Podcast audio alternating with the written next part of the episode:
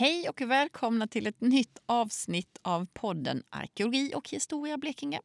Idag så lämnar vi faktiskt forntiden och beger oss in i historisk tid. Och jag ska säga att detta avsnittet det liknar nog inget annat som vi hittills har sänt. Eh, vart är vi på väg? Tänker kanske du då. Jo, vi ska besöka Lindströmska gården på Alamedan 13 i Karlskrona. Det är ett byggnadsminne som nästan är lika gammalt som staden självt. Men gården är inte bara gammal, den bjuder också på fantastiska historier om människor och om tidens gång. Och jag hoppas att du har tid att lyssna för idag hamnar vi i en soffgrupp med kaffe och tilltugg i över en timme. Så för att få ut så mycket som möjligt av besöket i huset så har jag tagit med mig bebyggelseantikvarie Ivar Vänster från Ankdammen Konsult i Karlskrona. Och jag måste nog ändå säga att han är nog den som kan mest om Lindströmska gårdens historia. Men med oss idag har vi också en ättling till urfabrikör H.A. Lindström som alltså har gett namnet till gården. Och vi kommer inte bara få höra om husets historia utan även historien bakom husets namn. Jag och Ivar Vänster vi fiskade upp Fredrik Lindström vid hotellet på vår väg mot Lindströmska gården på Alamedan 13. Och som vanligt hörni så görs podden i samarbete med Länsstyrelsen i Blekinge.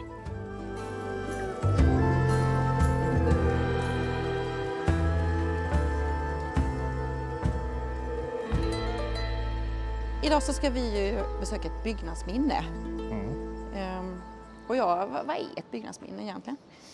Det är en, egentligen en, en, eh, en, lagstiftning som man eh, påbörjade från början av 1900-talet egentligen där staten egentligen sa att vissa byggnader är så viktiga för liksom den, den stora berättelsen om Sverige. Mm. Den st stora nationella eh, så att man eh, skapade en, en, en, lag som skulle kunna göra eh, att vissa byggnader framför allt blev byggnadsminne. Och det var inte, det var inte kyrkor och stora monument för de var skyddade på annat sätt. Utan eh, byggnadsminnen blev, kunde vara privatbostäder, ofta var det slott i början mm, mm. Eh, och herrgårdar. Eh, så det, det, är en, eh, den har ganska lång tradition och i, från den allra första början så var det faktiskt också mycket statliga byggnader. Alltså kopplade till kungamakten och eh, viktiga slag och sådana saker. Som, så statliga byggnadsminnen, det är ju, eh, det är ju en speciell kategori. Och så mm. finns det då civila byggnadsminnen som ja. vi ska besöka idag. Ja, spännande. Ja. Lindströmska gården, ja. 92 um, blev den det. Eller vad är det som är speciellt med varför, varför valde man? Anledningen, för det första så är det ju en träbyggnad i den här staden som är samtida med grundandet. Den är alltså över 300 år. Mm. Och det är inte så många byggnader som är det. Eh, så en, en eh, det är väl ett tiotal i Karlskrona och det kanske inte är så hemskt många i hela landet. Så det är ju en del. Men så finns det också en väldigt speciell takmålning. Ja, just det. Som är från byggnadstiden, alltså det vill säga sent 1600-tal, tidigt 1700-tal, vi vet inte exakt. Nej. Och den är ju så monumental och konstig på alla sätt och vis. Så det är nog det som bidrog till att att det här blir byggnadsminne. Utan den så hade det varit en av några fina hus i Karlskrona men det kanske inte är ett byggnadsminne. Nej. Vi ska ju, den heter ju Lindströmska gården av en anledning. Ja. Vad? Det var en, en, ur, en urfabrikör som bodde där mm. i mitt, ja, slutet på 1800-talet. Eh, och sen dess har den hetat Lindströmska gården. Nu bor det ingen som heter Lindström där men Nej. det finns ju någon släkting till honom. Ja, just det. Så om, av en händelse så ja. ska han hänga med då? Ja. Fredrik Lindström. Vi får väl se om vi kan hitta honom. Kan väl, eh, det måste väl vara här. Fast hon är inte halv ännu kanske. Ja. Ja, någon minut till. Hej! Jättekul! Tjena, hej Lena! Tjena, hej! Hej, hej vad trevligt! Ja. Kul att träffa lite Alltså ni är, har du halva rötterna från Blekinge? Ja, farmor, farmor från Karlshamn. Hon jobbar på vet du, Frankes, heter det? Gamla, ett gammalt konditori här. Ah, Jaha. Eller, eller, jag- blir lite osäker på namnet nu, men någonting som lät som ett förnamn. Där hon sålde såna här, du vet, rågskorpor och vad det heter. Sån här. och så var farfar där och handlade och, och så. Så de fick ihop det. Min far, min, hennes pappa var konduktör på eh, här. Och jag tror att H.A. Lindströms ur låg i det där huset mot Jaha. slutet. Mm, innan det försvann. I alla fall sett foton på det i ett sånt där tegelhus här vid Stortorget. Så jag tror det är det Mm. huset. Ja, vad spännande. Ja, ja, så du Mm. har... Du är... Han vad du är, bleking kan man säga då. ja, alltså, jag, är ju, jag är ju genetiskt och halvbleking för att vi ska säga då att min, min, min farmors föräldrar de var nog inflyttade från Småland. Sådär. Aj, aj, men aj. men, men eh, på farfars sida då är det ju verkligen blekingar och Mm. pillimausare så att säga. Alltså då, det var ju sådana som flyttade in här till och jobbade på vävet på, på, på, sjut- från 1700-talet. Min eh, äldsta där, han som tog sig namnet Lindström, han eh, var timmerman. Hans son var blockmakare och sen min farfars farfar, han jobbade i den här repslagarbanan. Jaha, ja men då, är, då måste vi väl ändå tycka Mm. Ja. att det är... Så att, eh, och bodde på Björkholmen och sådär. Och, och, och, men sen vet jag inte riktigt varför hans son, han hade tre söner tror jag, men eh, min, hans son Hans August, att han fick lite eh, utbilda sig och bli urmakare och blev borgare istället. Liksom. Det var någonting som gjorde ett... Eh, Alltså, de, han måste ju ha gjort Jag en tyckte rätt, rätt bra eh, karriär. jag vill säga att han gjorde en väldigt social res, klassresa liksom. Ja. Men, men, eh, Köpa Ja. en av de mest Ja, eh, ja. påkostade Ja. fastigheterna Ja. i stan. Liksom. Ja, verkligen. Så det där är lite, det där har vi inte riktigt förstått för att det här Alamedan är ju en sån så så här, liksom, riktpunkt i hela släktens historia och så här, föremål. Ja, men den där är från Alamedan och den har stått i köket och olika möbler och så här, porslin och så där. Det känns ja. som att det liksom aldrig riktigt tar slut. Nu kanske det har blivit lite så att några föremål har tillskrivits den historien då utan att Ja, det har det- dubbelkollat sådär. Men det var ju ett, ett burgethem, det var det verkligen. Man hörde mycket historier om det här, liksom, om, om farfars barndom och hur mycket pappa var här på somrarna och så när han var liten och så. Men, och, och då, det har ju för- som vuxen mera förstått det här att Karlskrona var ju proportionerligt sett en mycket större stad i min farfars barndom. Slutet av 1800-talet så att säga.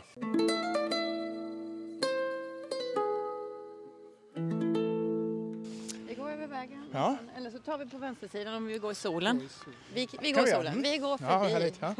Rosenfält. Ja. Ja, just det. Rosenfält. Rosenfeldt finns, alltså alla de här kvarteren här, Ja. de heter ju så här, Trolle, Ro, Ja. Rosenfeldt. Eh, och det är ju liksom de här första stormaktsamiralerna Ja, som det. har fått ge namn till dem. Ja, ja men det är ju intressant att se hur de där... Jag, jag sa ju till dig att det är där enda jag har liksom lite fina släktingar eh, och så. Det är ju då på min farfars eh, mammas sida då. För den här H. Lindström som kom upp sig, han gifte sig då lite över sin Ja, eh, klass med en som hette Augusta Gustava Komstedt. Och hennes eh, pappa tror jag var någon flaggkonstapel eller någonting sånt där. Men han i sin tur hade också gift sig lite över sin. Och eh, Augustas mormor, hon var adlig. Så där har vi liksom, där kommer vi in på de här eh, Lite svenska adelssläkterna som kom hit ner när Karlskrona var nytt på 1600-1700-talet. Då är det Ribbing och Rebinder och sådana här släkter som, som väl var de här ja, Alltså det här var ju verkligen... storbackstidens Ja. Jag, tror, jag tror faktiskt man skulle kunna kalla Karlskrona för någon slags sådär eh, sex, sent 1600-talets karriärstege. Ja, det är det ju. för att Absolut. de, ja, de som inte ja. fick ärva liksom jorden, Ja, andra söner och sånt där, verkligen. de satsade på liksom Karlskrona. ja, men det är nog helt sant. Det där Och- är ju en sån där modell som man har sett i historien. Vikingatiden, då gav de sig ut i härtåg. På, på under, under delar av medeltiden fick de exploatera Norrland mot skattefrihet och bygga laxfisken och älvar och såna här saker. Och, och på 1600-talet då åkte de ner till de gamla danska områdena och började bygga sin karriär här. Obruten mark. Va?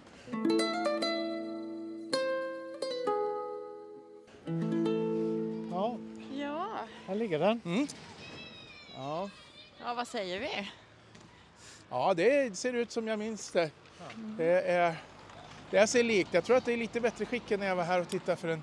Det är lite ommålat och så. Ja, det var lite, Eh, det var lite dåligt. eh, Lite, såg lite sådär avskavt ut för en tid när jag var här för en kanske tio år sedan eller någonting sånt. det har ju skett ett ägarbyte sedan dess. Jaha, okej. Mm. Det, det är ju lite sådär tårt, tårtpapper runt fönstren Ja, och sådär. Lite ja. utstyrt 1800-tals. Jaha, ja. Ja, jag tänkte bara, för jag måste bara fråga, eh, vänta lite där Fredrik. Mm. Ehm, och vi, nu- vi är ju framme i 1880 Ja. sen, Ja. men innan det, bara snabbt liksom, berättelsen från slutet 1690.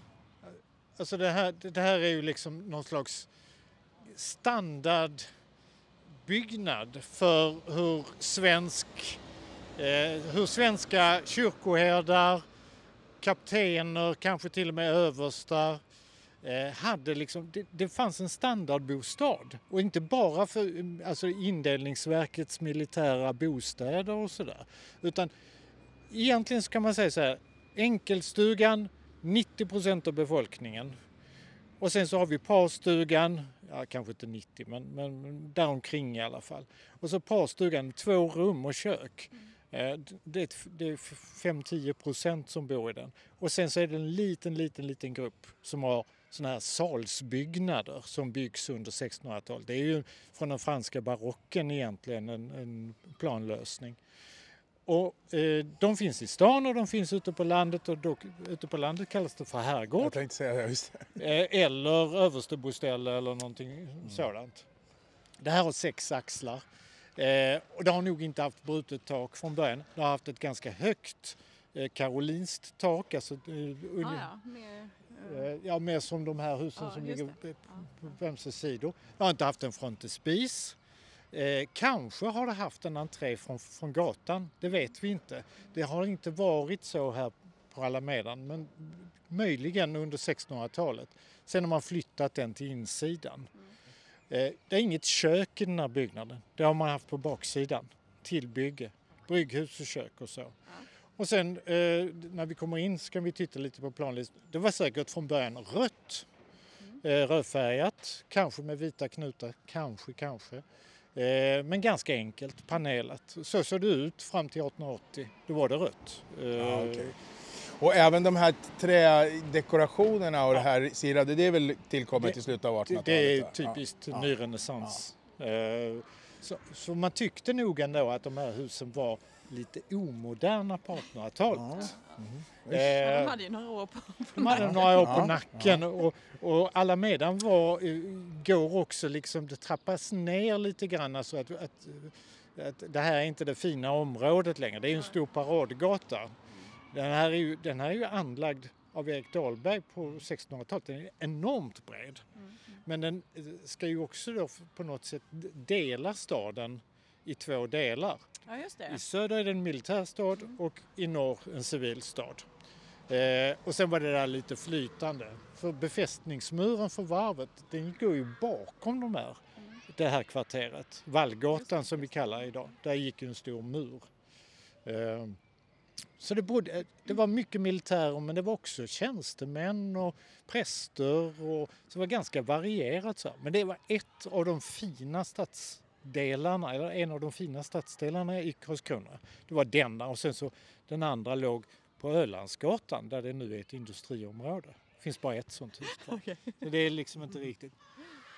Ja, ja ska vi eh, Vi får väl se om vi... traska in?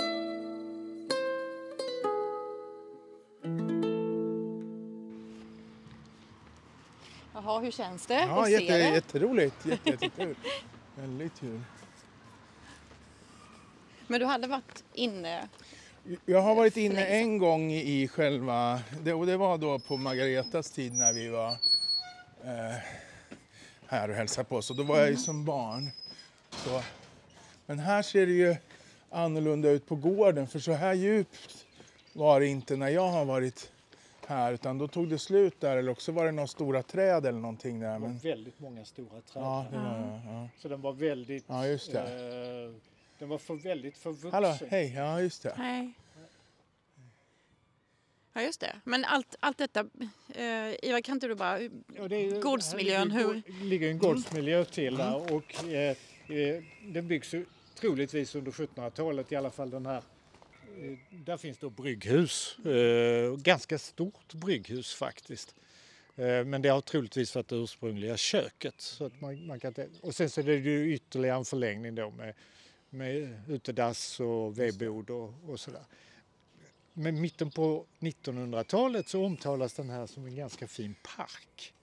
Eller liksom en parkliknande med slingrande gångar och, Ja. och sådär. Men den försvann någon gång på 60-70-talet. Mm. Men jag har ju ganska mycket bilder härifrån och då ser det ju rätt annorlunda ut. Då är det en ganska fint anlagd trädgård här med, eh, med eh, grusgångar och sånt där och lite träd och buskar. Och sen är det ju en brunn mitt i det här. Som, är det den som är... kan den nog tänkas vara någonstans den. där, ja. För där pratade ju farfar om att det skulle vara någon piga som hade dränkt sig i den brunnen och sådär. Ja, det var ju faktiskt eh, landshövding Rabs hustru. Var det så? Ja, Ja. ja okej, ja det vill jag Ja, gärna en väldigt tragisk historia. Den Det- kanske vi Det vill, kan göra det vill vi ha alla detaljer, men jag kan bara säga när vi står här så vill jag tala om att, att jag vet att de bodde först i den här längan och hyrde där och sen någon gång kanske, när, jag vet inte om min farfar var född men, men han är född 1889 men någonstans i den där vevan så har de sen flyttat över hit. Och på den här trappen som ni ser där, den är ju identisk, den har jag massor med kort där farfar och, och hans eh, systrar och de här sitter och leker och med katter och sånt där och även sen då min pappa när han var här och så. Ja. Så den känner man igen väldigt väl. Eh, ja, I slutet på 1800-talet Ja. så, så eh, urbaniseringen gör ju att Karlskronas befolkning växer. Och då blir ju de här gamla ekonomibyggnaderna faktiskt bostäder. Så de byggs ju om till små lägenheter. Och så det blir liksom, staden blir väldigt mycket tätare men det blir ju också konsekvenser av att det blir mycket högre tryck på eh, vattenförsörjning och, och så. Eh, så den, den har liksom en väldig sån här liksom, svensk stadshistorisk Ja, ja, koppling. Jag förstår. Ja, och Men vilket kanske- var det där de bodde i? Den? Ja, jag, jag, jag vet att de hyrde först här inne på gården. Och det liksom, jag vet inte om det kan ha varit flera lägenheter i den här lägenheten, men det, de har bott där först. Och flera. Så det kanske var en del av hans sociala resa, så att säga. Att han först flyttade in här och sen på något sätt hur han då fick hugg på den här stora bostaden. Men han köpte den sen? Ja, jag tror det. Alltså, jag har haft- fattat det så i alla fall. Han bodde ju här ända tills han dog på 30-talet så att han, jag tror att han ägde den. Men... Jo, eftersom, det måste han nästan ha gjort eftersom de här Enok och de här, de bodde ovanpå och ärvde och ägde hon Margareta som var hans barnbarn ägde ju huset sen. Ja. Men det var många år, det var nästan 70 år som du bodde, eller? Ja, det måste det väl ha varit. Från säg, runt på 1880-talet någon gång till fram till i min barndom så, så ägde jag fortfarande, det är nog bortåt 100 år nästan. Mm. Ja, vad. Familjens. Ja. Ska vi gå in?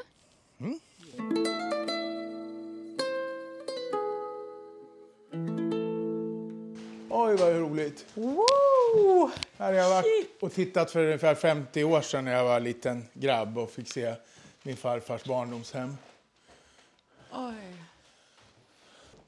Vi pratade innan, innan lite grann om varför det här blev byggnadsminnen Ja. och så. Ja. Och det är nog mycket det här taket. Det kan jag tänka mig. Ja. Att ehm, eh, det här taket som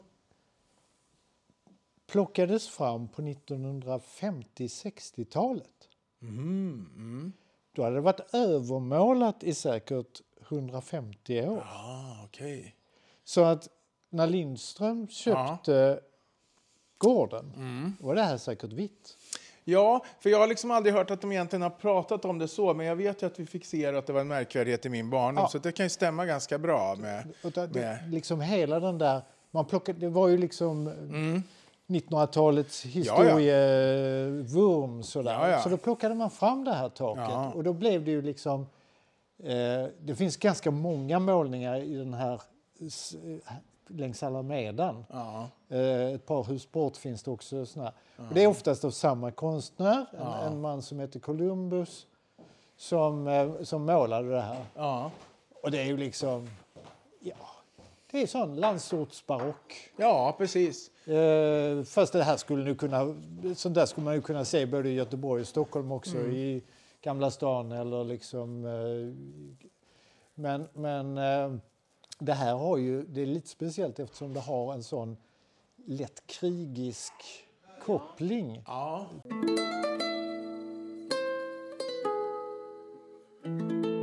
Men vad, om, om du skulle beskriva den, vad, alltså vad, hur ser den ut? Vad, Eh, det, alltså det är ju en massa indelningar här med, med olika fältindelningar eh, som typiskt barockt. Liksom i, och en del av dem är såna här kantusbladsslingor som ligger runt.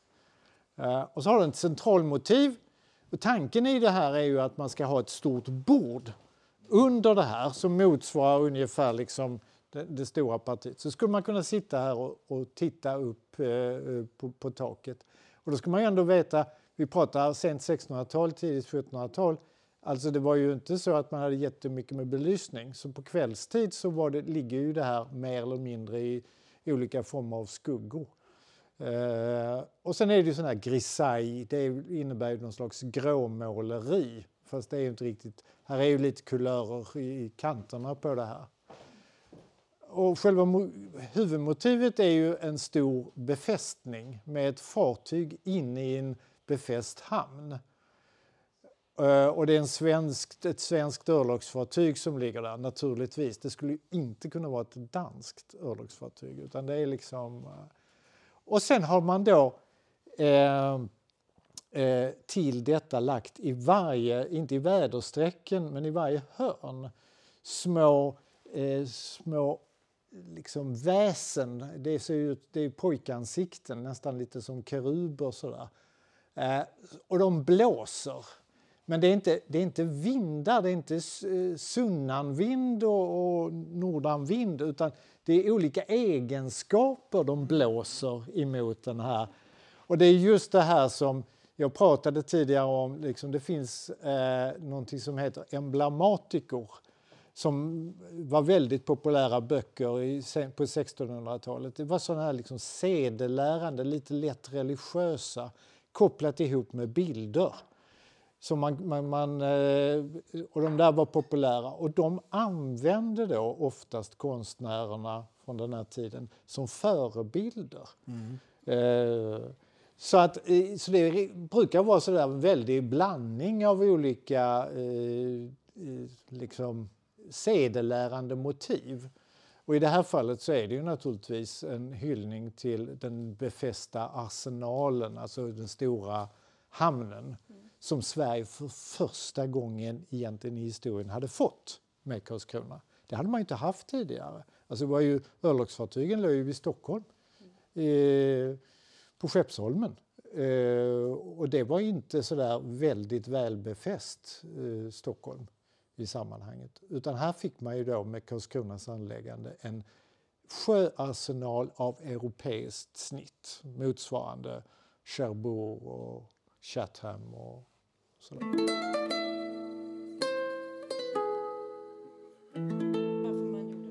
Varför man gjorde målningen? Mm.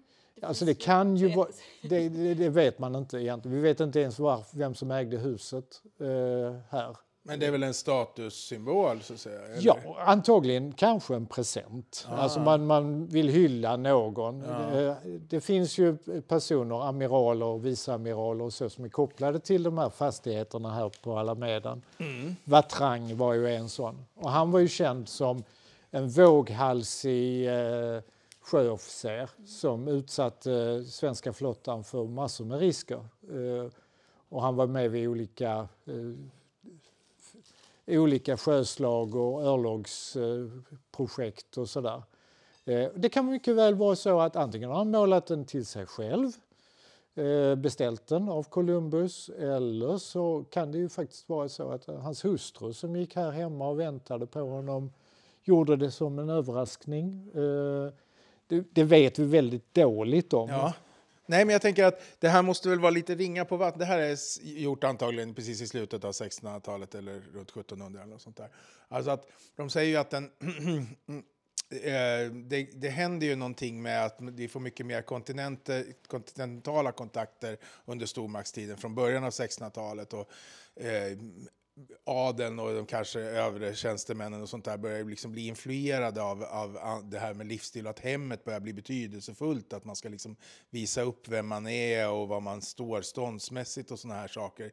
Innan dess så verkar det, och det kan man se, jag som har hållit på med språkhistoria och sånt där också, att det är då man börjar kunna höra på folk till exempel lite grann vilken klass de tillhör. Innan dess så pratar i princip alla samma dialekt i samma ände och man bor i samma typ av trähus. Skillnaden är kanske egentligen bara om det är större eller mindre så att säga. Men, men när du kommer en bit in på 1600-talet och så där så börjar man ha lite andra ambitioner och, och lite grann också idéer om det här att hemmet ska mera visa upp vem man är och sådär. Liksom. Så att lite sådana grejer tänker jag kan ha spelat in här. Det här var ju grabbar, för det var ju grabbar då va? Mm. De hade ju varit i Prag Just det. och, och liksom eh, turistat. Eh, Sett hur det såg ut på kontinenten, Ja. hur fint folk hade det. Exakt. Och varit faktiskt, en del av dem faktiskt varit i Paris också. Ja, visst. I, i, så att eh, det var inte så konstigt att, eh, att man... eh, Och Columbus gjorde sig nog, alltså målaren bakom det här, han insåg ju att tidigare så var ju konstnärerna i stort sett hänvisade till kyrkans. Men då plötsligt så fanns det privatkunder. Mm. Och då blev ju motiven också, liksom, ja då kunde vara religiösa motiv, Just det. men, men det, det skulle bli liksom någonting helt annat. Och grejen är ju liksom, han blir fullständigt omodern på 50 år. Ja, ja. Och det är då de här målas över. Och sen plockas de fram på 50-60-talet. Men, men det är ingen tillfällighet heller att det kallas för fredstiden, frihetstiden och det här va, mitten på 1700-talet. Helt plötsligt har det blivit omodernt med örlog och med krig och såna här saker. Men jag tänker om man ska göra en halsbrytande parallell idag så kan du tänka dig med kanske folk som som eh, någon gång på 80-90-talet är utomlands och, och träffar folk i Hollywood och Beverly Hills och så här, där de har så här öppen planlösning och så kommer de hem och säger så här, fan vi ska slå ut väggen mellan köket och vardagsrummet. Är du dum på riktigt eller ska vi ha eh, det i, i köket? Så, så blir det en eh, statussymbol och så, så här, på samma sätt, du vet, så här, så här, fan ska du måla i taket? Ja visst, det är det senaste, det är jättehett liksom. Och så gör man det och sen efter ett tag så har alla öppet kök och så börjar det liksom bli, nej, fan det känns lite daterat och så sätter man upp väggen igen och så målar man över taket och sådär liksom. Det går ju i sådana här vågor och så vidare.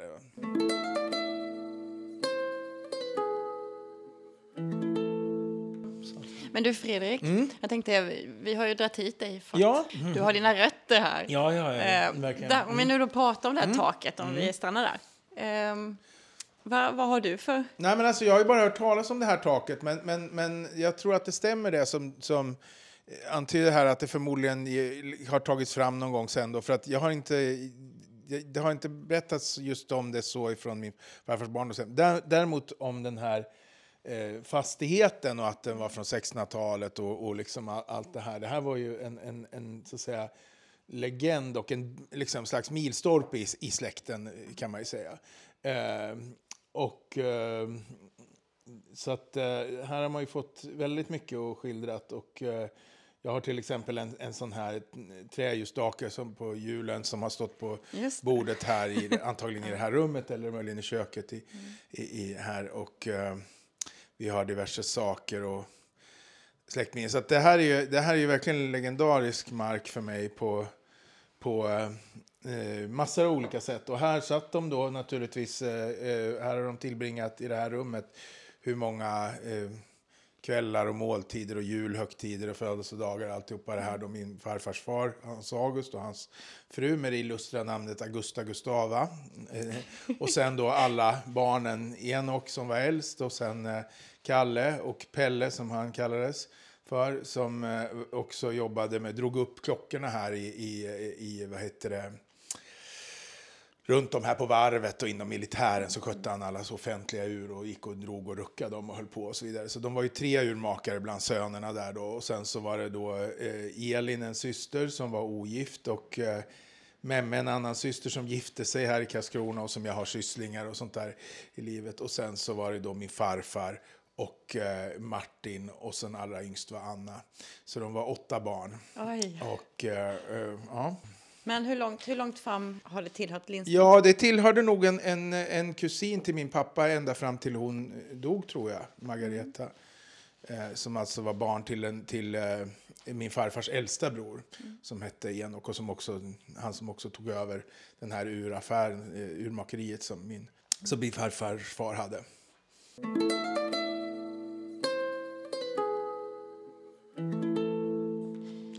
Eh, Ivar, jag tänkte eh, taket här.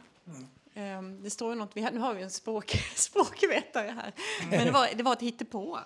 Ja, hittepå latin brukar vi, jag brukar liksom lägga det i den. Det, det är inte så att de var väldigt eh, klassiskt skolade de här eh, målarna, utan eh, så de eh, gick väl i lite ordböcker och så där och så eh, fick väl inte alltid grammatiken rätt. Eh, möjligtvis kunde de kanske fråga någon präst, för de var väl väl, kunde ju latin på, på vet. Så där, där är ju någon slags eh, devis eller sentens här liksom eh, som står att i, väldigt förkortat. In, innanför dessa murar är jag trygg eller någonting ja, ja, sådant. Ja. Mm. Eh, och som på något sätt verkligen skulle liksom ytterligare skriva på näsan besökarna. Liksom, mm, att mm. Det räckte inte med bilden utan det skulle liksom också vara liksom manifesteras i, i text. Liksom. Men, men, man får väl lite känslan av att det här om man skulle så säga översätta det här den här takmålningen till ett svenskt ordspråk, så det här mitt hem är min borg. Ja, och i en, ja. just en örlogstappning på mitt hem är min borg, så säga. Vi har ett, ett svenskt örlogsfartyg som har seglat in i den här liksom, omslut, nästan som en livmoder som skyddar den, så att säga. Och så blåser det från olika håll och så vidare och testar det här. Det, är en, det eh, finns ju någon slags symbolik i det. Och, och med det här oroliga vattnet under också som ju förstärker känslan. Men, men men tänk på det här, vad heter det, i de här citaten. Det kan du jämföra med så folk som har på väggen idag och skrivit allt möjligt Carpe sånt där. Carpe diem, felstavat eller någonting annat. Sånt här. Det här är första dagen i resten av ditt liv.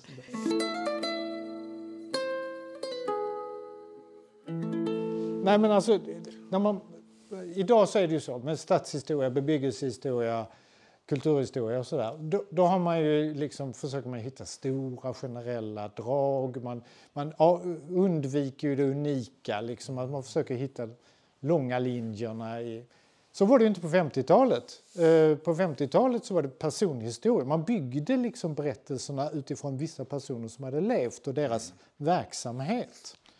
Och det där är ju, jag menar alla som har gått i skola på 1960-talet uppfattade ju historieundervisning som ganska trökig. Mm. Den var liksom sådär, det var kungar och det var mm. liksom ett antal sådana Och sen har den då förändrats. Men just för att jag tycker ju att just när det gäller den här gården så är det faktiskt ganska tillämpligt att använda sig av personhistoria. För vi vet, vi vet att här bodde eh, ett antal väldigt höga militärer. De köpte hela, i stort sett halva kvarteret. Och riktigt hur deras hus såg ut vet vi inte. Det påstås ju till exempel att Karl XII bodde här, bara något hus härifrån, mm. under sina korta... Han var ju här väldigt kort tid. Mm. Han var ju i Turkiet och Lund och ja, överallt annars, Norge, mm. så småningom. Uh, men men uh, det, det, här var ju liksom ändå någon slags ganska gräddhylla. Mm. Men problemet för de här sjömilitärerna var ju... Dels så flyttades de ju, liksom flottan och flottstationerna och sånt där. De flyttades till Kalmar och de flyttades upp till eh, Sveaborg så mm. småningom när det började byggas i Göteborg och sådär. Så de, de kunde egentligen aldrig riktigt bygga upp någon, någon sån här fastighets... Eh, något riktigt stiligt. Nej, nej. Eh, så ganska snart, redan under den tiden, alltså under Karl XIIs levnad, så köps den här fastigheten av en man som heter Fult. Och han är väldigt tidstypisk för den eh, karriär, karriäristen under stormaktstiden, den sena stormaktstiden, för det är det vi pratar om. Eh, han var präst, eller egentligen så han läste på Uppsala universitet och så, så insåg han att han kunde inte bli något, så han prästvigdes och blev präst eh, utnämns till eh, extra eh, predikant i amiralitetskyrkan och får vara här nere. Och så visade det sig att det var, han var en riktig jäkel på att snacka. Så att hans predikningar så blev ganska uppskattade. Men han var... Eh, alltså just i det här fallet så skulle jag faktiskt säga att ordet knickedick var mm. eh, ganska lämpligt för honom. Mm. Jag gillar ju det ordet. så. Men, eh, så han, han bodde här Eh, eh, han, eh, hade, han gifte sig tre gånger. Eh, han skrev likpredikningar av två, till två av sina hust, eh, avlidna hustrur. Bland annat hans andra hustru eh, har han skrivit i likpredikan, den är ju helt strålande. Hon var duktig på att bränna brännvin och så kunde hon prata tyska. Bara liksom den eh, kombinationen. Men hon var, det var ett redigt fruntimmer ja, sådär, i alla fall i, i, i, i, olika sammanhang. Men han levde, han är ju känd genom historien därför att han är den enda som vi har bevis för faktiskt har mutat sig till kyrkoherdetjänst i Hjortsberga Edesta församlingar. Eh, och för han i ett öppet brev till biskopen nere i Lund då, skrev så här du får 100 riksdaler om jag får tjänsten. Liksom, så här. Och det, det, dokumentet finns fortfarande kvar nere på domkapitlet så där, i, i något arkiv där. Men, men han lämnar ju det här huset och han, han är också en av dem... Alltså han, han gör en fantastisk karriär egentligen, för han kommer från halv enkla förhållanden. Sådär. Men han, lyckas. Han gifter sig, han gifter sig tre gånger och för varje giftermål så ser han ju till att liksom mm. öka kapitalet och, och mm. statusen och sådär. Eh, men, men ansågs ju i sin egen samtid. Han var driftig och duktig men också in, inte någon att lita på var, var liksom det man sa om, eh, om honom. Så han var ju en, han är väldigt typiskt för, för den här tiden att jag skulle nog säga så att Sverige var nog ganska under eh, enväldet eller den karolinska tiden eller någonting sånt där så var Sverige nog väldigt, alltså förekom nog väldigt mycket korruption och vänskapskorruption och, och de som hade pengar att kunna liksom köpa sig upp i, i för det är ju inte riktigt ämbetsmanna Sverige. Det ser vi ju först liksom på 1720-talet och 1730-talet. Då växer ju det fram. Eh, eh, att, att man genom sin duglighet på något sätt eller sin, genom sin flit eller någonting sånt där kan växa.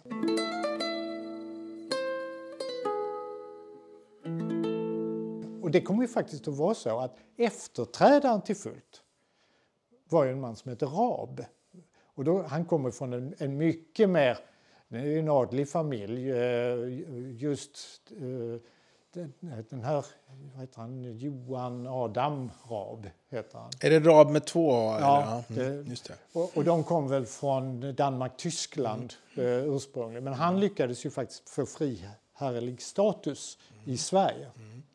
Och han kom, han, det var nog flera generationer svenskar innan honom. Mm. Så.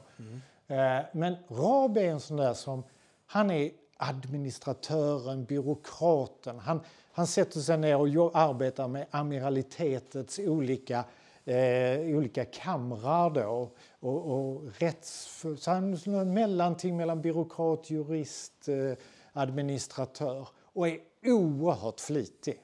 Och liksom klättrar i samhällsstegen. Och då pratar vi liksom, det är ju den svenska frihetstiden mm. eller upplysningstiden. Mm. Han är liksom Visst, han kom från ganska hade rejäl liksom, bakgrund som man säger då, liksom, eller adlig bakgrund.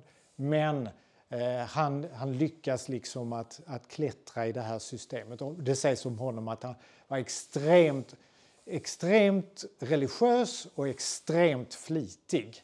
Och han, han blev ju landshövding, inte här, i, nej, nej. utan han blev landshövding i Kronoberg. Mm. Eh, så han liksom kröner sin karriär eh, med den där. Och han är också gift tre gånger. Eh, så, och använder liksom den här också giftermålen hela tiden. Mm. Alltså det, det, jag tror det var en, en, en unik kombo på 1700-talet. Liksom. Mm. Flitig, eh, arbetsam mm. och sen så gifter man sig till lite pengar. Liksom. Nu, nu, vill jag höra om Rabs hustru, för det här är det här tragiska med brunnen kommer. Va? Ja, alltså det, det, vi vet ju inte vilken brunn det är. Nej. Det finns ju två brunnar här som man brukar eh, prata om. Det, står ju en ute på Alamedan också. Ja, ja just det. det eh, som är, egentligen inte är en brunn, det är en vattenreservoar. Ja. Och den eh, har i, var inte en brunn under 1700-talet. För det var ett avloppsdike som gick i Aha. hela Alamedan. Så jag tror faktiskt att det är brunnen här inne. Och hon mm. tog sig av daga mm. eh, i den här brunnen. Eh, och riktigt, alltså det märkliga är att det där har ju alltid hänt genom historien. Tragiska händelser, människor som tar livet av sig och sådär. Men just den händelsen har fastnat i olika former av arkiv. Och i, så till och med om man går in i Riddarhuset och slår på familjen Raab så står mm. det liksom att Johan, Ad, eh, Johan Adams eh, ja. andra hustru tog livet av sig Aha. i en brunn. Aha. Så det måste ha betytt, det har gett ett eko under sin tid. Eh, och vi vet inte riktigt varför. Eh, det kan ju finnas massor med olika skäl. Det här är mitten av 1700-talet någonstans? Ja, eller? det är mitten av 1700-talet. Och det, eh, antagligen skulle man nog kunna tänka sig att ja, men det har nog skrivits om det här i tidningarna. Mm. Alltså, nästan som en sån där jag vet inte om det är som Sixten Sparr och Elvira Madigan, ja, ja. men alltså det har mm, varit en, mm. en, ett allmänt liksom samtalsämne. Men jag var intresserad av varför just varför det, varför det fanns kvar i minnet. Ja, men alltså självmord tror jag bland ståndsmässigt folk var oerhört ovanligt. Alltså att, det, att man visste om det eller kände till att det, om det hände någon, någon i något sånt här i något, bland finare folk. För det kunde nog hända att ni vet någon, någon olycklig eller sån här... Självspelningar ja, fanns självspelningar. Men då var det ofta människor med väldigt, i väldigt tragiska omständigheter. Men jag tror att man i de, i de finare familjerna, så om det hände så var man väldigt bra på att tysta ner det. Mm. Att få det att se som att det har varit en olyckshändelse eller något sånt där. Så att jag tror att när det kom ut, när en, en, en kyrkoherde eller en, ett, så att säga, bättre folk eh, ståndsmässigt folk, eh, att någon hade tagit livet av sådär. Det tror jag blev ganska stor uppmärksamhet mm. och det skrevs säkert om det. Och, det, kanske jag tror det. och jag vet ju som sagt att min, min farfar och de pratade om det här, det att någon hade dränkt sig i brunnen en gång. Ja. Så det pratades det om. De ja. sa en piga, men, men, men det har väl förvanskats då på ja. 150 år och man kan också tänka att ordet piga har ändrat lite betydelse så att säga. Från början har det ju betytt flicka eller ung kvinna så att säga. Mm.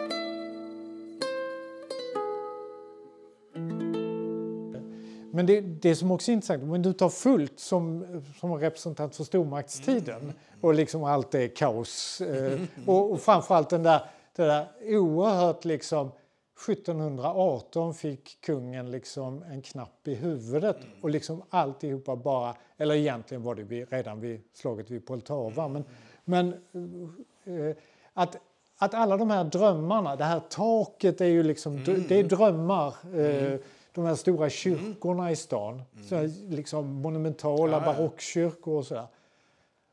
Och 1708, 1709 så tog allt slut. Mm. Och Sverige var liksom någonting helt mm, annat. Mm. Ja, det var utfattigt och plundrat på alla sätt. Eh, alltså, kronan hade ju plundrat landet för att hålla igång alla de här krigen. Ja, ja, det var ju inte så att vi var ockuperade, men vi förlorade ju väldigt stora landområden mm, ja, eh, av det som stormaktstiden. Så var allt slut liksom. Mm. Och då dyker en sån som Raab upp och så liksom säger nu ska det bli ordning och reda. Mm. Nu jobbar vi i Excel här liksom. Mm. För det var ju det han var, han var ju en sån här excel ja, men i, Istället för, för stormaktstidens liksom vilda västern och lite ja. IT-bubbla så kommer det in folk som är så här, vi får börja med, vi får gå till jobbet. Ja. Vi får liksom kavla upp ärmarna och arbeta ja. istället för att bara hoppas på att vi ska så här, erövra andra länder eller ni vet liksom på det sättet. Vi måste se till att vi, vi, ska, vi skapar eh, eh uppvärmningsanordningar Precis. som spar ved. Vi ska försörja oss själva, ja, vi ska inte importera dyra sidentyger. Allt det där hör ju 1700-talet till. Och, det, och, han, och Rabe är en väldigt god exp exponent på det, att, eller ett exempel på det.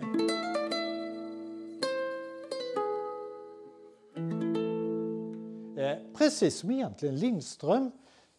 Mm. Han kallas ju fabrikör. Ja, gör det. Ja. Och, och, ja, men han kanske, han, det är för att han tillverkar klockor då Han också, måste ju ha mm. serietillverkat mm, mm. klockor ja, liksom, i, i, eh, och, och, som kommer hit som, som antagligen är den som tar initiativet till att, att det här får liksom en mer nyrenässansprägel. Liksom, han är ju liksom en väldigt god liksom på den här borgerligheten som växer fram under 1800-talet som tillverkningsin, enklare tillverkningsindustri eller handel eller något sånt där. Och det kommer ju också bli liksom eh, om man tittar rent politiskt så kommer ju det, det banar väg för liberalismen och, och hela den förändringen av samhället. Så det är ju egentligen på det viset, de här tre gubbarna som, om nu är, Mm. och deras hustrur, som det är betydligt fler av egentligen Ja, än gubbarna.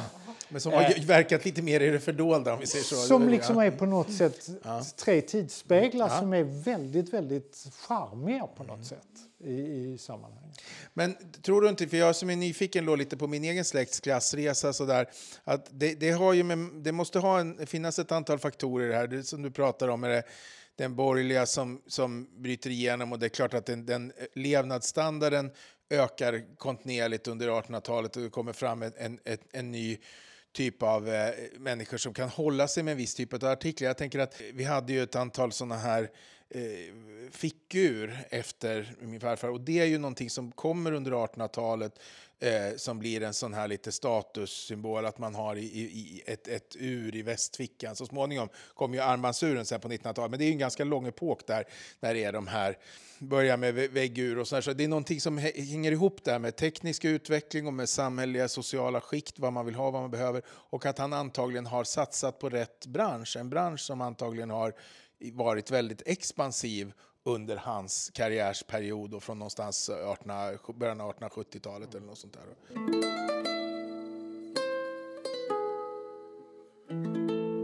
Men, men alltså det är ju så att eh, fickuren hänger ju ihop med järnvägen Mm. Det, och ja. reglerad arbetstid. Och, Exakt, exakt. Eh, Alltså många sådana. Och, Exakt. och den som ägde en klocka ägde ju faktiskt också liksom, ägde ju tiden. Ja, Vi har ju eh, inte så långt härifrån Nej. står ju amiralitetsklockstapeln. just det. Mm. Den är ju 1600-talets motsvarighet till fickuret. För folk hade inte råd att ha. Nej. klockor. Nej, och hade de klockor så gick de oftast fel för Mm. de var ju så dålig kvalitet. Så de, det är ju industri, industrialismen egentligen som skapar Absolut, och Sverige hänger ju på det här väldigt mycket. Vi är ju, vi är ju tror jag, första landet, i, i alla fall i Europa, kanske i världen, som inför centraltid, eh, alltså politiskt beslut, före England och de här eh, industriländerna. Och det är någonstans på 1870 eller runt 1880 eller något Borgerlig tid. Ja, Eh, all, att- Alla utom... eh, det var, fanns några bruk som vägrade att Ja, det var några på. som satt sig. Men, men det här var ju liksom, först så ni vet, så, så du har ju tidsskillnad mellan Stockholm och Göteborg till exempel på en, vad det var, 20-30 minuter eller något sånt där. Och jätteproblem då med, med tågen och med lokaltid. Man liksom bytte så att det, man, man, det var en tid på tåget och en tid eh, som var utanför när du klev av i Västerås så var det liksom en skillnad då på nio minuter eller något. Alltså, helt absurda förhållanden. Och så införde man då att hela Sverige skulle ha Göteborgstid och det, vi, vi fick det ont blod så fick de göra en kompromiss att hela Sverige hade under en kort period Örebrotid, vilket ju var mer rimligt. Men sen kom ju då den här internationella standarden så småningom med Greenwich-tid och så vidare och då går vi in i tidszoner och såna här saker. Men, så att det är otroligt många intressanta saker som sammanfaller under den här tiden och som jag inte har tänkt på på det sättet att det är naturligtvis de, sen kanske min farfars far var lite, lite knickedick också eller liksom lite sådär att han utnyttjade tillfället för jag tänker det här att han först hyrde den, den eh, eh, vad heter det, en mindre lägenhet inne på gården och så vidare. Så det måste ju ha varit något läge där han spelade sina kort rätt och fick komma in här. Och kanske också att det gav honom mer status, så säga. För att, eh, sen vet jag att han var med i någon, ja, men att han betraktades som en av de liksom ledande borgarna i staden. Där. Jo, men det, alltså alla som har bott i det här huset har ju på något sätt engagerat sig politiskt Mm. i, i stadens styre. Rab, han var, ju, han var ju till och med stadens representant i riksdagen. Vilket var väldigt märkligt, som han var ju adlig. Han var ju friherrlig. Men det blev ändå honom som... Eh, och det där var ju, visste ju kungen om. Och det, det här har ju det här med hattar och mössor och allt sånt där. Eh, men till exempel eh, av Håkansson, vi är en släkt här i, i Karlskrona, de bodde nere på Ölandsgatan. Han var också land, blev också landshövding vid något eh, tillfälle och sånt där. Han blev ju adlad eh, på grund av sina... Sin, han var ju bondestånd, eh, bondeståndets talman. Alltså väldigt högt. Eh, så för, partiledare kan man ju egentligen säga att han var. Eh, och han blev ju adlad på grund av sina insatser som politiker. Just det. Och då plötsligt då kunde han ju då också få tillgång till riddarhuset och Ja. ett annat stånd. Det här var ju ett väldigt bra sätt att liksom desarmera politiska krafter i Ja, landet. ja, ja. Men när blir han, när blir han adlad? Eh, Det, 1750-60-tal. För så det- det är ju den där eh, perioden. Och Ja, här, ja, för det går ju någon väg. De, adlar ju mindre och mindre under 1700-talet. Och man brukar säga det liksom att fram till någon viss period så, så är det som att om du lyckas i samhället och blir betydelsefull och tjänar pengar och så vidare, då måste du in i adeln därför att överklassen är av tradition adel så att säga. Och sen så någonstans så börjar Sverige släppa det här mer och mer och sen så under 1800-talet så upphör ju adelns privilegier och istället blir Sverige ett väldigt utvecklat medelklass och tjänstemannasamhälle. Så att säga. Men, men, men han är, ju- måste ju vara ett exempel på de här som säger att nej, men har du kommit upp i den här nivån då, då, då måste du in i adel, då ska du ha ett adelsnamn Ja. också. Så att säga. För av Håkansson är ju lite av Ja, det är lite- en kompromiss kan vi ju säga lite grann. Om man, inte får, om man inte sätter in det här av då är det ju ingen som någonsin skulle komma på tanken att det var adligt att heta Håkansson.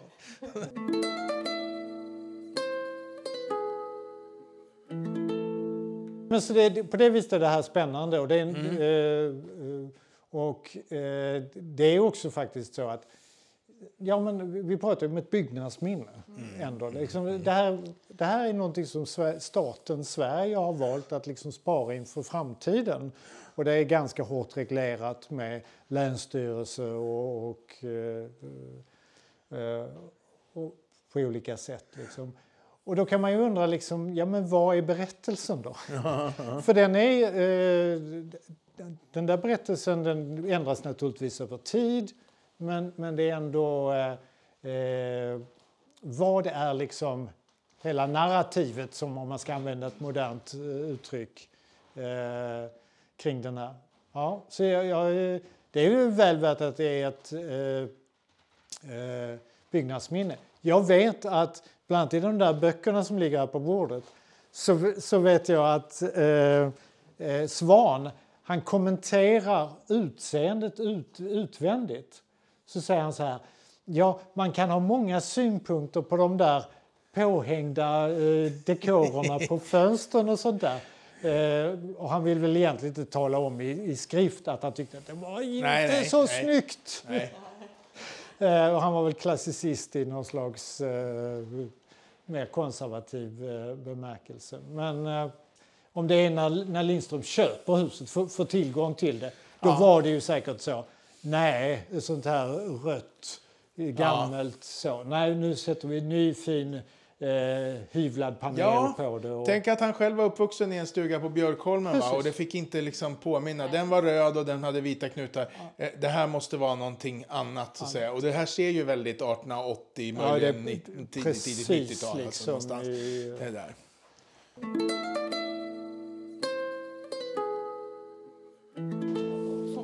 Får, vi gå runt och kika något eller? Eh, ja, inte där uppe Nej. får vi inte gå upp. För det är, ut, det är väl uthyrt. Det är hyresgäster. Men- den här trappan som är här, den har ju inte eh, funnits tidigare. Utan här var det ju, alltså dörrarna har gått i fil så, så att man har sett hela vägen. Ja, ja, ja, just det. Det där Eh, så är det här inbyggt. är Ja, liksom ja, ja. sentid, även om Ja, det, här, det här är nog en dörr som är från tidigt 1700-tal. i Ja, Ja, just det. Här bakom är det ju rum också. Ja, Just Så har det blivit ett, Mm. gamla skafferiet har blivit ett badrum. Ja, det var skafferi där. Ja, just det. Ja. Men det var ju ett, här Mm. var ju ett, ett sovrum och ett... eh, Just det, det här var nog deras eh, föräldrasovrummet skulle jag tro. N- när jag var här och tittade då var det ju inte någon i min släkt som bodde i den här lägenheten utan då fick vi komma in och titta på den som farfars barndomshem. Men då var det någon annan som hyrde det här och sen så var det ju eh, mina släktingar, som, hon var ju ensamstående så hon bodde i en mindre lägenhet på övervåningen.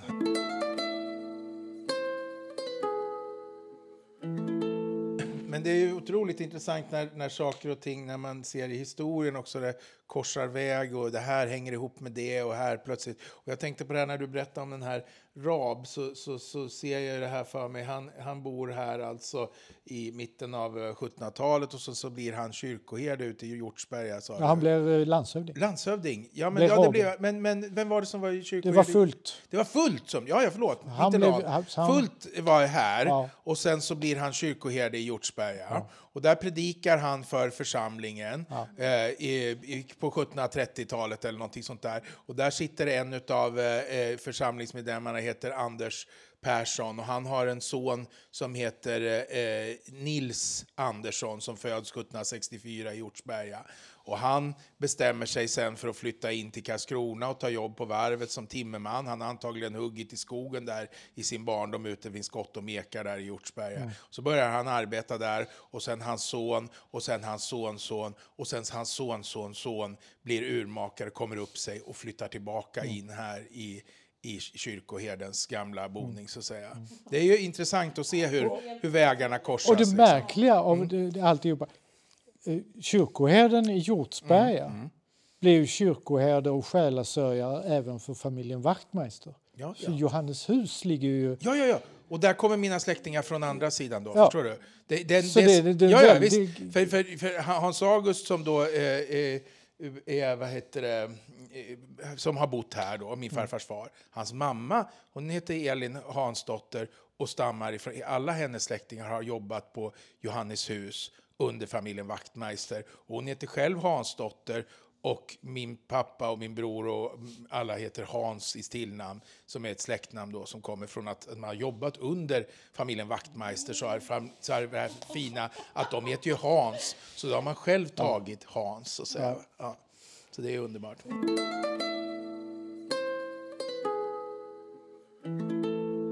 Eh, nej, men jag bara tänkte när vi sitter här i den här Ja, miljön. Så, ja. Eh, vi har ju pratat om bakåt och Ja. hur det går runt, runt, runt. Och så. Hur känns det? Liksom? Ja, men Är det, är någonting väldigt, du- det är väldigt speciellt att vara här. Jag har en känsla av andäktighet och jag tänker mycket på de här. eh, Dels så får ju de här alla mm, liksom, fotografier och, och sånt här som jag har sett härifrån och, och så, men också eh, allt som min farfar och min pappa har berättat och så där. Det är mycket som... Eh, jag känner mig väldigt nära min farfar, som jag ju var också när jag var barn och så där. Eh, han var en väldigt viktig förebild för mig så där på många sätt. Och in, som det kanske blev för en viss generation. Alltså att han kom nog närmare mig och min bror och våra kusiner än vad han hade varit sina egna barn. Därför att eh, ja, det var ju borgerligt och min pappa sa inte du till sin pappa utan var, han var tvungen att titulera honom pappa och om pappa vill och tycker pappa att jag ska och sådär. Så det var ju väldigt formellt. Och, eh, men, men vi sa ju du till farfar, det var ju inte, det hade ju ingenting med, ja, det är klart det kom en du-reform någon gång där då när vi var små sådär, men, men vi, vi, vi var mycket mera liksom, hade en mycket rakare kontakt med honom och satt i knät och var väldigt liksom, eh, jag tror att det där eh, mm, eh, förändrade saker och, och så. Och han var ju en, en, eh, en väldigt sån där, vad ska man säga, för att vara en, en, en borgerligt uppvuxen man och, och järnhandlare som han var så där så var han väldigt, ändå väldigt eh, jordnära. Han, han tyckte bäst om att gräva i trädgården eller hugga ved eller liksom hålla på med Ja, sådana saker och sånt där. Så man lärde sig av honom och, och hur man skulle hantera yxa och såg och hur man eh, grävde spad, med spade och kanthögg gångarna, grusgångarna och skyffla och allt sånt där som hade med trädgård och hantverk att göra och hur man skulle tälja med kniv och, och göra en barkbåt och såna här saker. Liksom. Han lärde en sådana saker och, och, och eh, där känner jag mig ju, eh, han var vik- viktig liksom, prägel i sin barndom. Och jag vet också att han berättade om sin farfar då, som bodde på Björkholmen och sådär och de minnena han hade av honom för han, han levde kanske tills min farfar var en 8-10 år eller något sånt där. Eh, så att eh, det är ett, ett väldigt intressant sammanhang att komma i och, och vara här igen. Men hur, hur, går, hur går snacket eller historien? Alltså både Björkholmen och... Ja, men alltså det är klart att vi hörde, vi hörde ju inte så mycket talas om Björkholmen och det här. Det var inte Nej. så mycket prat om det därför att ehm, ni vet hur det är med nyrika människor, att de liksom stänger lite dörren till sitt eh, mera fattigare förflutna och sådär. Så att eh, i den bild vi fick av farfar och farfars far och så vidare, då började allting här med Alameda. Vi hörde aldrig talas om någonting eh, egentligen innan dess. Men min bror började redan i tonåren, min bror Henrik då, han började släktforska och ta reda på saker och han började eh, sådär eh, se till att plocka fram och, och, farfar hade foton på sina släktingar och, och såna här saker. Så att då började vi få lite mera grepp om det. Sen är det klart att min bror och jag som vi är väldigt historieintresserade bägge två, vi har ju diskuterat väldigt mycket det här och tyvärr då den här eh, huset som Johan Fredrik Lindström bodde i på Björkholmen, det finns inte kvar längre. Men det fanns, ska finnas i något tv-arkiv. Prins Willem var här på 40-50-talet och gjorde intervjuer med gamla kalskroniter. Och då intervjuade han en kusin till min farfar som bodde kvar i det här eh, huset. Så att säga. Men jag har möbler som har stått i det huset i min farfars farfars eh, hus på Björkholmen och sådär. Nej, vad häftigt. Mm, eh, bland annat en byrå och eh, eh, han var ju sån riktig pillemausare och jag tänker ofta på det med den här berömda repslagarbanan som ju ska vara, jag tror inte en, det är mycket som är norra Europas, ni vet ni, men norra Europas längsta träbyggnad eller vad det är för. Men i alla fall en väldigt, väldigt lång och märkvärdig byggnad och ett märkvärdigt hantverk att arbeta med. Att han arbetade med det här och slog rep i hela sitt liv, liksom från det här när vi började som ung lärling och sen gesäll och sen blir man mästare till slut och sådär. Att det där var naturligtvis ett, ett, eh, ett, ett eh, märkligt arbete och en, en, en, ett, ett, intressant liv, även om jag vet väldigt lite om, om honom i detaljerna. Så att säga. Mm. Ja, mm. Nej, men det är väl spännande detta. Mm. Ja, väldigt roligt. Ja. Jag har fått lära mig väldigt mycket intressant här idag. Ja.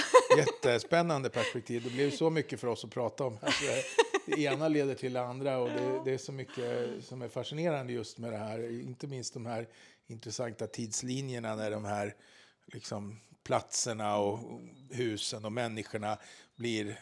Jag tycker du, du berättar så bra och du ser, det, det är så intressant fokus just på de här, hur de är representanter för, för olika steg i, i samhällets utveckling och olika epoker. Och det de Liksom. Det fanns en anledning till att jag tog med Ja, ja, men det var har, väldigt, vi har gjort, väldigt, väldigt Vi har gjort några avsnitt där, jag har pratat lite då. jag, jag, kunde nästan tänka mig att det, ta ett steg tillbaka. Nej, det är jättekul.